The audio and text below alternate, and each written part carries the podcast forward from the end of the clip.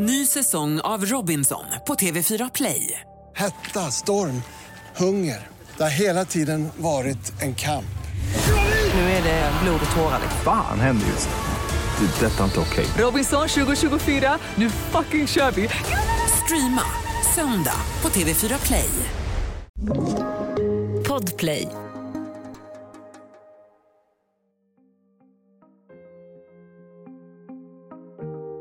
En okänd man i Umeå våldtar, hotar och nära på dödar sina offer. Han sätter hela staden i skräck och uppkallas snart efter området där han härjar, Haga. Där bor Lena Isaksson. Men hon är också advokat och i sitt jobb ska hon stödja Hagamannens offer när de ska sitta öga mot öga med mannen som har förstört deras liv. Det här är Jag var där, en dokumentär som du hör varje onsdag på Podplay. Av Andreas Utterström och Mattias Bergman.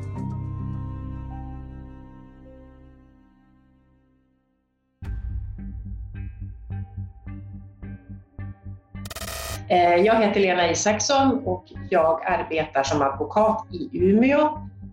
Och det gjorde jag även under den tid som Hagamannen, om jag får kalla det, härjade i Umeå. Advokat ja. Lena Isaksson är offentlig försvarare, alltså för någon som är åtalad för brott. Så sysslar hon också med familjerätt, till exempel tvister om barn när föräldrarna ska skiljas. Men hon är också så kallat målsägarbiträde. Varför behöver brottsoffret ett målsägarbiträde? Räcker det inte med att man företräds av åklagaren under en rättegång? Alltså jag anser att det är jätteviktigt att ett brottsoffer eh, har ett målsägande beträde. En person som står 100% på brottsoffrets sida. Det är ju nämligen så här att en åklagare ska ju vara objektiv och ska ju lyfta fram omständigheter som både talar till fördel och till nackdel för den som då är misstänkt för brott. Medan jag som målsägande beträde bara fullt ut ska tillvarata min klients intresse. När man är målsägarbiträde, eh, var går gränsen mellan att, att vara ett stöd och att bli psykolog om du förstår vad jag menar? Hur, hur, hur resonerar du där? Alltså jag försöker ju vara, i första hand försöker jag ju vara jurist. Jag brukar försöka hjälpa eh, kvinnor, som, det, som jag oftast företräder, och kanske barn också, men att få en kontakt, till exempel på kvinnofridsmottagning. Men det är inte, jag kan ju aldrig vara psykolog, men jag kan vara en person som lyssnar och som kanske ger råd. Men psykolog är jag inte, jag är, jag är advokat. Efter att någon polisanmält brott och utredningen startar kommer Lena in. Hon förklarar för brottsoffret vad som kommer att hända, sitter med vid polisförhör och rättegång. För även om brottsoffret inte behöver försvara sig eller riskera straff kan det vara mycket påfrestande. Först så hörs ju målsägande, sen hörs vittnen. Eh, och sen, det är som sist som den misstänkte hörs, om den inte är ett häktat mål. Det beror ju på om det är frihetsberövande eller inte. Eh, och sen så är det ju åklagaren som i slutändan ska ta ett beslut. Ska det väckas åtal eller ska förundersökningen läggas ner? När känner du som mest att du gör nytta på jobbet när det gäller rollen som målsägarbiträde? Ja. Jag tycker att det är en förmån att få ha just det jobb som jag har. Ska man säga att man får hjälpa en människa som kanske har varit med om en väldigt svår upplevelse, en människa i kris, en människa som, som har råkat ut för någonting förfärligt och få finnas där som ett stöd och hjälpa till och kanske känna att man kan på något sätt stötta den människan i att orka med den här rättsprocessen. Kanske någon gång ibland får man känna att man faktiskt gör skillnad. Det börjar sensommaren 1998. En 14-årig flicka i stadsdelen Haga antastas. En av alla dessa tragiska händelser som blir enstaka små nyheter. Men året därpå våldtas två kvinnor i samma stadsdel. År 2000 blir en 22-årig kvinna slagen i ansiktet men räddar sig in i ett trapphus. En annan kvinna våldtas och misshandlas svårt. Polisutredarna arbetar efter hypotesen att samma gärningsman står bakom alla de här överfallen. En jakt startar som varken Umeå eller Sverige sett maken till. År 2000 myntas så namnet på den okände gärningsmannen, Hagamannen. Vilken erfarenhet hade du sedan tidigare då av att eh, möta våldtagna kvinnor? hade jobbat ganska länge och jag har ju jobbat på advokatbyrå under ganska många år. Jag blev advokat 1989 och före det hade jag jobbat på advokatbyrå då i sex år. Så att jag hade ändå, jag hade, jag hade nog ganska en hyfsad erfarenhet av att företräda kvinnor som hade utsatts för brott och våldtäkter. Det hade jag. Nu kommer Lena Isaksson in i bilden. Hon blir målsägarbiträde till tre av Hagamannens offer. Mina, det var mina klienter som gjorde så otroligt starkt intryck på mig. Deras förmåga att berätta, hantera den här mycket laddade situationen. Eh, och de berättade utförligt, detaljerat och kunde också beskriva hur de, hur de hade mått. Så att, vi hade, man hade väldigt intensiv kontakt med de här kvinnorna precis i nära anslutning till övergreppen under en period. Och så hade jag kontakt med polis och åklag, eller med polisen främst. Då. Ja, det hände ju. Man hade ju misstänkt. Det bedrevs ju ett spaningsarbete och alltihopa och man gjorde vad man kunde men eh, ja, det hände ju ingenting. Nej, ingenting händer i så måtto att Hagamannen grips. Men Umeå förändras. Kvinnor i staden berättar att rädslan för mannen gör att de ändrar sina vanor. Överfallslarm säljs på torget. Du bor ju själv i Umeå. Eh, hur, hur, skulle du beskriva att stämningen var i stan under de här åren när han begick brott och innan det att han hade blivit gripen? Jag kan säga att för mig var det ganska speciellt för jag bodde på Haga då tillsammans med min familj. Och eh, det är klart att den tiden, det präglade hela Umeå skulle jag vilja säga. Jag kommer ihåg att det var flera gånger polisen gick runt i kvarteren och, och, och dörrknackning. Man hade väl liksom beordrat ut, eller, eller om det var... Det var alltså väldigt många poliser som, som kom. Jag tror, jag vet, där jag bodde ganska centralt på Haga så tror jag att det var vid tre tillfällen som polisen kom och knackade på och hörde om jag hade sett något eller hört något eller hade något tips om vem som kunde vara Hagamannen. Jag hade barn. Då jag hade en dotter som var mycket ute och och i den tiden man ville gå på fest och vara ute på stan. Och jag minns att det, ja, hon fick aldrig någonsin gå själv utan det var taxi eller att mamma och pappa hämtade. Det var liksom inte att gå själv. Det fanns inte på kartan.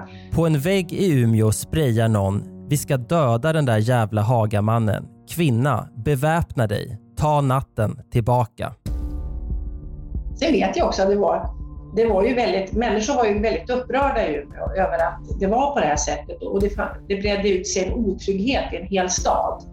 Och jag vet också att det var något, om jag nu inte minns fel, jag tar det här i minnet, att det var, något, någon, någon, det var några killar som erbjöd sig att eskortera eh, alltså kvinnor som hade varit ute på krogen, på lokal, hem för att de inte skulle riskera att bli utsatta. Ja, flera nattvandrargrupper bildas för att eskortera rädda kvinnor hem på kvällarna.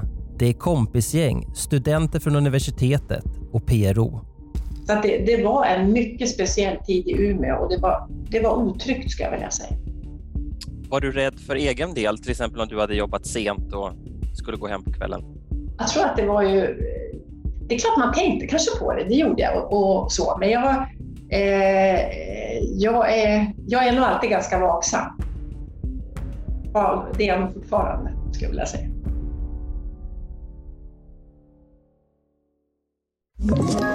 Ett poddtips från Podplay. I podden Något Kaiko garanterar östgötarna Brutti och jag, Davva, dig en stor dos skratt. Där följer jag pladask för köttätandet igen. Man är lite som en jävla vampyr. Man har fått lite blodsmak och då måste man ha mer. Udda spaningar, fängslande anekdoter och en och annan arg rant.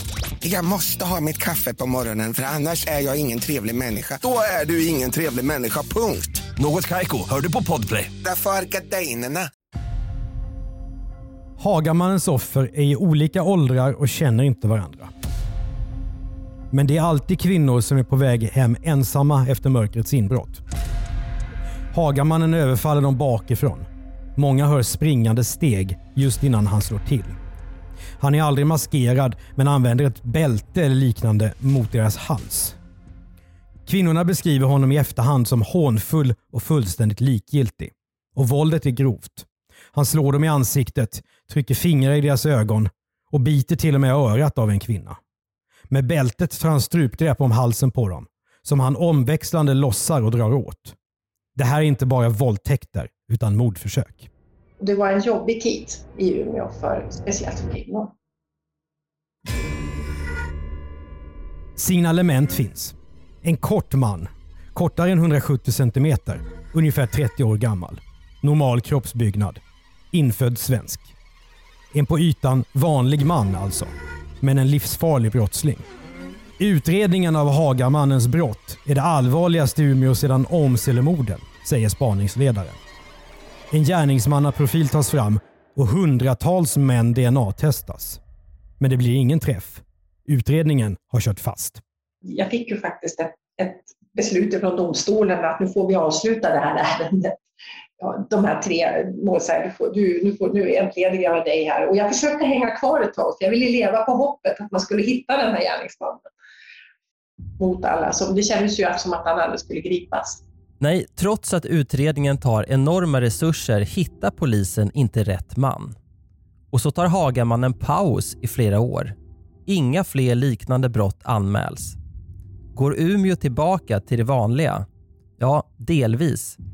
Men 2005 är det dags igen. En kvinna våldtas, misshandlas och är nära att dödas. Polisen tar upp arbetet igen. Nu tas skisser på hur Hagamannen kan se ut fram och hela Umeå är på sin vakt igen.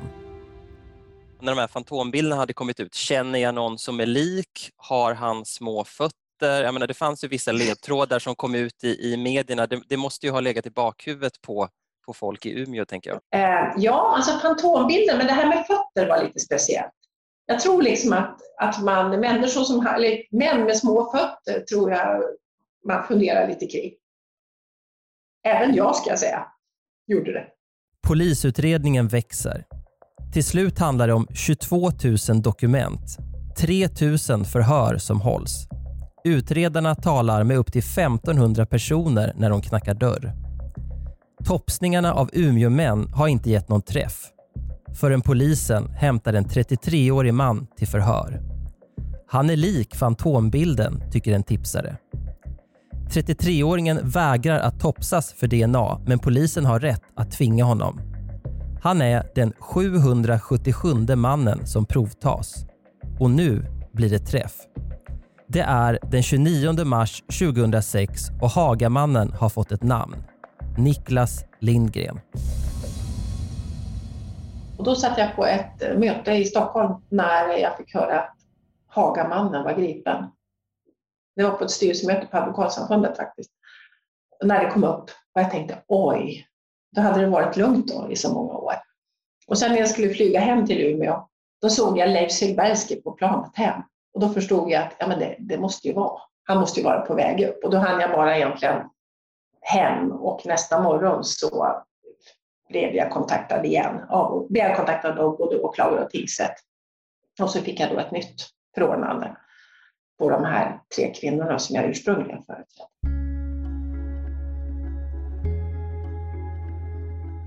I Umeå firar kvinnor gripandet med champagne. Men för Lena Isaksson innebär det att en intensiv arbetsperiod ligger framför henne. Hon blir nämligen målsägarbiträde för fem av sex kvinnor som ska medverka i rättegången. Samtidigt fortsätter utredningen. Hemma hos Lindgren hittas cowboyboots och kläder som offren har beskrivit. Skostorleken stämmer. De kvällar som överfallen skett har Lindgren varje gång varit på fest och saknar alibi. Många förvånas över att Niklas Lindgren på ytan är så normal. En småbarnsfar med stabilt förhållande. Plåtslagare, omtyckt och duktig i sitt jobb. Och som enligt advokaten Leif Silbersky har stöd av sin sambo. Ja, det är klart att det kanske inte var den gärningsmannaprofil som man trodde att det skulle vara med tanke på som brottsoffrens beskrivning av honom. Han var ju väldigt aggressiv. Jag menar, han är ju faktiskt dömd för två mordförsök i det här. Och hur det här våldet blev, jag tycker jag, nästan grövre och grövre också. Så det är klart, det stämde ju inte överens med bilden som framgår av personutredningen, om man säga så. Då. Ja, nej, men jag, jag skulle vilja säga att väldigt många människor som lever under socialt välordnade förhållanden, som har god och stabil ekonomi och, och fungerar i samhället, har jag i alla fall upplevt har, har kunnat begå ganska allvarliga brott. Så för mig är det egentligen ingen överraskning. Lindgren känns igen av vittnen och DNA ljuger inte. Men till en början erkänner han inte. Inte heller senare kommer han att berätta särskilt mycket. Nu förbereder sig åklagare, försvarare, anklagad och målsägare för rättegång. Saken gäller försök till mord med mera, som han skriver rent formellt. Så kvinnorna, vad, vad jag tycker var speciellt här var mina då man säger, ursprungliga tre målsägande. De hade ju på något sätt gått igenom en process redan. De hade ju varit på polisförhör, de hade blivit läkarundersökta, de hade gått i någon form av, flera av dem i alla fall, fått psykologhjälp och annat. Och precis när det här är liksom klart och man kanske någonstans har lagt det bakom sig, då rivs det upp igen. Jag tror att, jag tror att eh, det kallas för retraumatisering. Så därför blev det ju väldigt speciellt i det här fallet. Lena Isakssons klienter har drabbats hårt. De har inte kunnat klara sina studier, bo ensamma eller kunnat gå ut utan sällskap på kvällen efter vad de varit med om. En har inte sovit en hel natt på sex år utan vaknat skräckslagen. En annan av kvinnorna har behövt besöka läkare mer än tio gånger av sina skador. I Umeå tingsrätt berättar hon att hon stängt av och inte kan ta till sig det som hänt känslomässigt. Samtliga målsägande som jag företrädde, de var ju väldigt duktiga på att berätta det de hade varit med om. Och gjorde det på ett sätt som jag tycker var väldigt imponerande och de satt dessutom i rättssalen med misstänkt i rättssalen mitt emot och kunde ändå berätta. En målsägande, där besökte vi brottsplatsen innan det, nästa förhör. Och den målsägande hade aldrig, aldrig kunnat närma sig brottsplatsen innan, men vi gjorde ett gemensamt besök där innan det kompletterande polisförhöret skulle hållas. Är det vanligt att du jobbar så? Jag har gjort det några gånger. Jag tycker det kan ha varit, ibland kan det ha, speciellt om det ligger tillbaka i tiden. Hur upplevde du medieintresset? Ja, det var ju extremt stort. Det var ju ja, enormt var det, måste jag säga. Jag vill ju fokusera på att företräda mina klienter, inte att vara i media. Lite grann så, jag försökte behandla det här målet som vilket mål som helst faktiskt. Jag tror att det är viktigt. Jag tror, jag tror att, att inte dras med i det här med hela det här medieuppbådet som var. Och sen försökte jag skydda mina klienter mot medias intresse i den mån de ville ha det så. Det var ju faktiskt en sak som hände när det gällde mediaintresset. Det tillkom ju en, det tillkom ju en målsägande så att säga i fas, steg två här, om man får kalla det för det. Eh, och där var ju mediaintresset sånt att eh, det tyckte jag, där tyckte jag media gick överstyr. Hon blev bland annat uppsökt på sin arbetsplats av journalister. Tänker du att det kommer spela någon roll för själva rättegången och, och utfallet? Det gjorde det en del skulle jag vilja säga. Jo, det var ju den 1 december 2000 så var det en våldtäkt på Ersboda. Och där publicerade en kvällstidning bild på Hagamannen. Det, det spelade roll för tingsrätten frikände honom från det, den åtalspunkten, bland annat på grund av den här bilden som hade publicerats. Man ifrågasatte identifieringen helt enkelt av honom. Eh, men hovrätten ändrade i alla fall på det. Men där blev jag väldigt upprörd. Och jag, då vände jag mig ju till eh, tidningen och tyckte att det här var väl ändå att sabba förundersökningen. Så blev jag, det tyckte jag förstörde.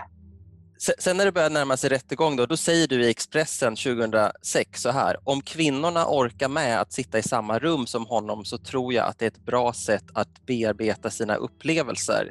Är det din erfarenhet att det kan vara på det sättet? Ja, det är det. Och i det här fallet vill jag också säga att vi, vi hade ganska noggranna förberedelser innan. Eh, vi besökte, det var ju så att på den tiden så hade ju Umeå tingsrätt ingen egen säkerhetssal så att vi höll ju till på polishuset. Vi gjorde så, vi gjorde studiebesök. Jag gjorde ett med samtliga målsägande. Alla fick titta hur salen skulle se ut. Här ska vi sitta. Där kommer misstänkt att sitta. Vi fick också ett speciellt rum att sitta i. Man fick ha med sig, det var väldigt så här, ska man säga, säkerhet runt alltihopa. Och, det var ju, och man tog sig in bakvägen genom polishusets garage och, det, och mina målsägande blev då eh, hämtade tillsammans med mig och polis, civilklädda poliser som jobbade med personskydd och annat. Så vi åkte, så jag åkte alltså hem till klienten, hämtade klienten som kanske hade med sig någon stödperson då.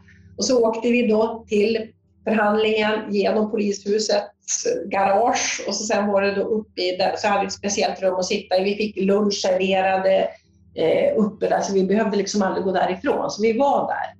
Och alla tror jag hade med sig någon närstående som stöttade också.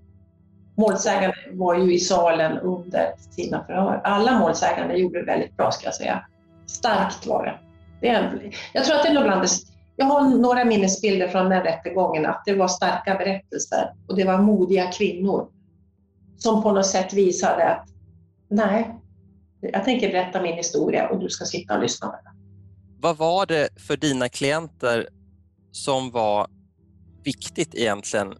Jag tror att det viktigaste var eh, dels att han då skulle få, få ett straff för det han hade gjort. Det tror jag var viktigt. Sen var det viktigt, tror jag, att få berätta sin, sin historia, givetvis att få ersättning för den integritetskränkning som de hade utsatts för. Men jag upplevde inte att det var det som var drivande för någon av dem. Jag tror också att det fanns ett behov att få sätta, att få ett avslut på denna långa rättsprocess. Som det, för jag menar, det här har varit en process som har pågått under väldigt många år för väldigt många av de här kvinnorna. Att leva i detta, att det på något sätt blev ändå ett avslut. Mm poddtips från Podplay. I podden Något Kaiko garanterar östgötarna Brutti och jag, Davva, dig en stor dos skratt. Där följer jag pladask för köttätandet igen. Man är lite som en jävla vampyr. Man har fått lite blodsmak och då måste man ha mer. Udda spaningar, fängslande anekdoter och en och annan arg rant. Jag måste ha mitt kaffe på morgonen för annars är jag ingen trevlig människa. Då är du ingen trevlig människa, punkt. Något Kaiko, hör du på Podplay. Därför är gardinerna. När det är dags för rättegång har Niklas Lindgren till slut erkänt. Men det finns ändå frågetecken. Han var ju inte så beredd att prata om vad som hade hänt egentligen. Tycker jag. Jag tycker han var med. Han satt där i gröna kläder och hade ju, han hade ju sin advokat vid sin sida och sådär. Men eh, han, gjorde ju ing, han gjorde ett ganska blekt intryck. Och jag kan någonstans tycka i det här läget som han befann sig, varför kunde han inte berätta mera? Och varför skylla på alkohol? Det fanns ju inte uppgifter om att han skulle ha varit så berusad om man lyssnar på målsägandens uppgifter. Lena Isaksson och hennes klienter ska nu sitta i samma rum som Niklas Lindgren.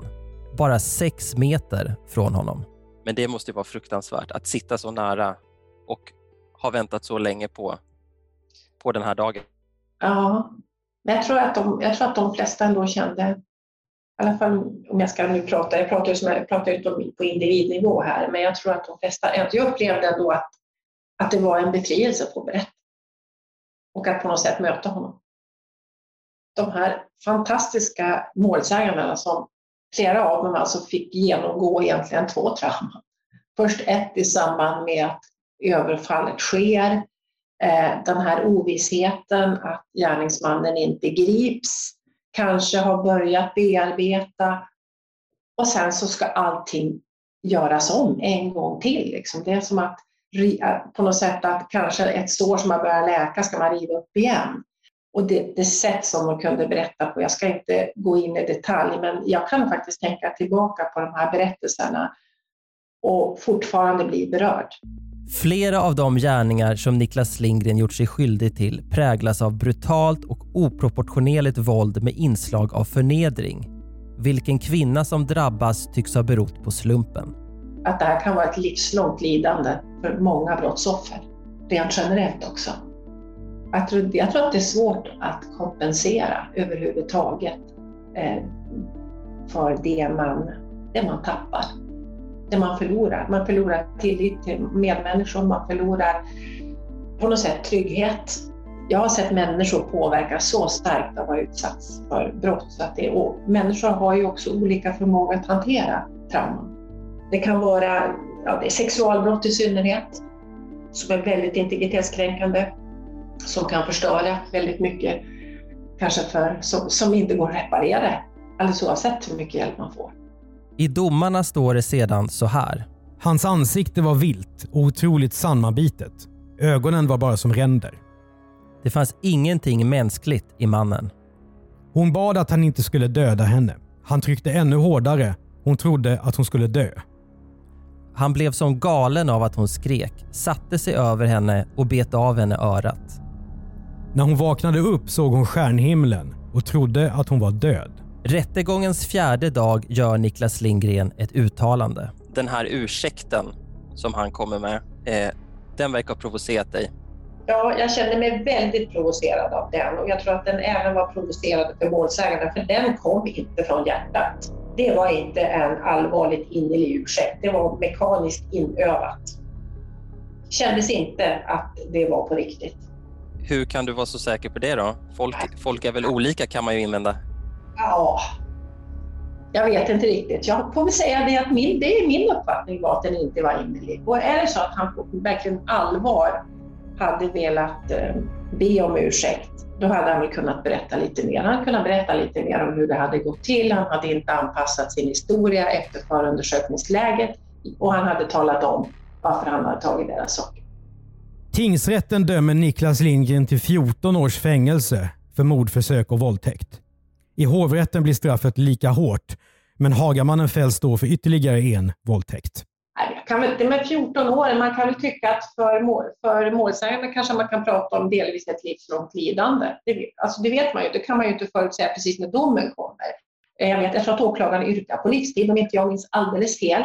Jag hade i och för sig kunnat tänka att han hade kunnat få sitta lite längre och kanske livstid. Hur reagerade dina klienter när, när domen kom i tingsrätten? Ja, de, när, många var ju glada, var, var väl i alla fall att det blev ju fällande domar och sådär. Det var väl någon som tyckte att han skulle ha haft livstid. Jag vill inte säga det.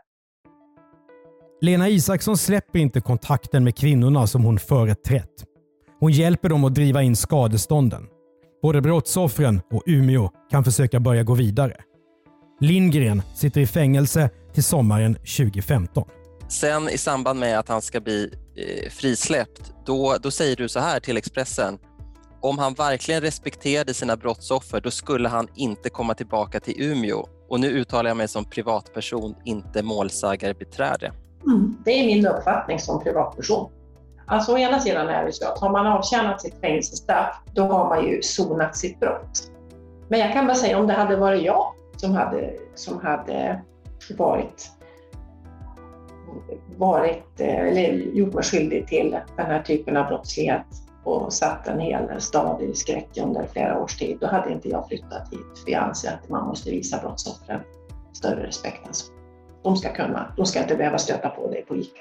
Eh, under hela min studietid, när jag läste juridik, då jobbade jag på kriminalvårdsanstalt. Jag jobbade på Österåkers fängelse, både som, som KLIT och som behandlingsassistent. Jag jobbade i Härnösand. Och det finns ju, finns ju faktiskt många där som ändå börjar reflektera över det här har jag gjort, det här har jag ställt till med och som kan visa någon form av respekt och hänsyn. Och det tänker jag att flyttar man tillbaka till Umeå då, då ja. Men det var privatpersoner som pratade med min advokat. Strax efter frisläppandet misshandlas Niklas Lindgren i en stad i Norrbotten med golfklubba av tre män. I Umeå samlas det in stödpengar till männen som inte döms för brottet. Har du sprungit på honom på stan efter att han har blivit frisläppt? Nej, inte vad jag kan komma ihåg. Jag vet inte ens om jag skulle känna igen honom. Och Umeå är inte så liten stad längre. Det är 120 000 invånare så att du vet. Berättelsen om Hagamannen är en svart historia med frågor som fortfarande finns kvar. Varför tog Niklas Lindgren troféer som mobiltelefoner och nycklar från vissa brottsoffer? Två av dem ringer han i efterhand från deras egna mobiler. En kvinna får samtalet när polisen är hemma hos henne. Varför har han betett sig så? Han har ju inget svar på den frågan egentligen, vad jag kommer ihåg. Han svarar ju aldrig på det. Det brukar vara väldigt viktigt att få svar. Och, var, och en vanlig fråga, men hur, varför gör du så här? Varför gjorde du så här mot mig och varför just jag?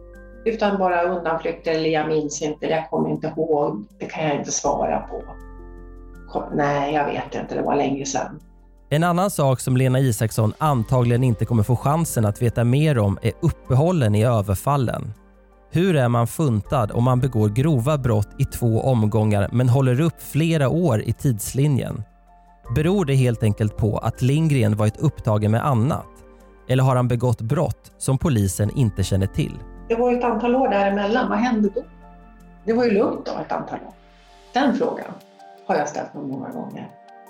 Men det, det är ungefär som att då var, då var, det, var det familjeliv och bygga om hus och alla möjliga saker som jag kommer ihåg. Varför blev det det här uppehållet? Niklas Lindgren lever idag på hemlig ort med skyddade personuppgifter, men Umeå minns fortfarande Hagamannen. När tre våldtäkter har anmälts inom loppet av ett halvår, 2020 till 2021, får polisen gå ut och försäkra det finns ingen koppling mellan brotten. Det är inte som det var när Hagamannen härjade. Lena Isaksson bor kvar i Umeå och hon jobbar fortfarande som advokat. Jag tycker att det här yrket det är, det är ett lärande hela tiden. Trots att jag har jobbat i ganska väldigt många år så tycker jag att jag lär mig hela tiden. Eh, kanske att jag lärde mig i det här att systemet fungerar ju faktiskt. Även om det som kanske ser så omöjligt och hopplöst ändå kan lösa sig. Han greps ju till slut.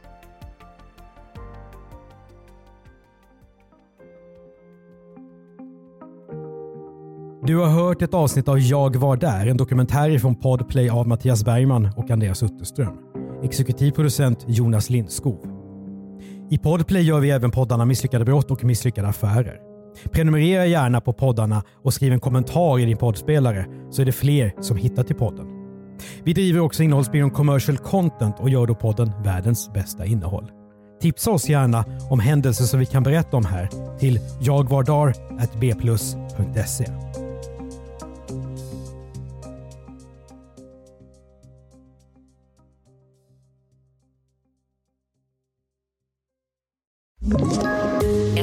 Poddtips från Podplay. I podden Något Kaiko garanterar östgötarna Brutti och jag, Davva, dig en stor dos skratt. Där följer jag pladask för köttätandet igen. Man är lite som en jävla vampyr. Man har fått lite blodsmak och då måste man ha mer. Udda spaningar, fängslande anekdoter och en och annan arg rant. Jag måste ha mitt kaffe på morgonen för annars är jag ingen trevlig människa. Då är du ingen trevlig människa, punkt. Något Kaiko, hör du på Podplay. Därför arkadeinerna.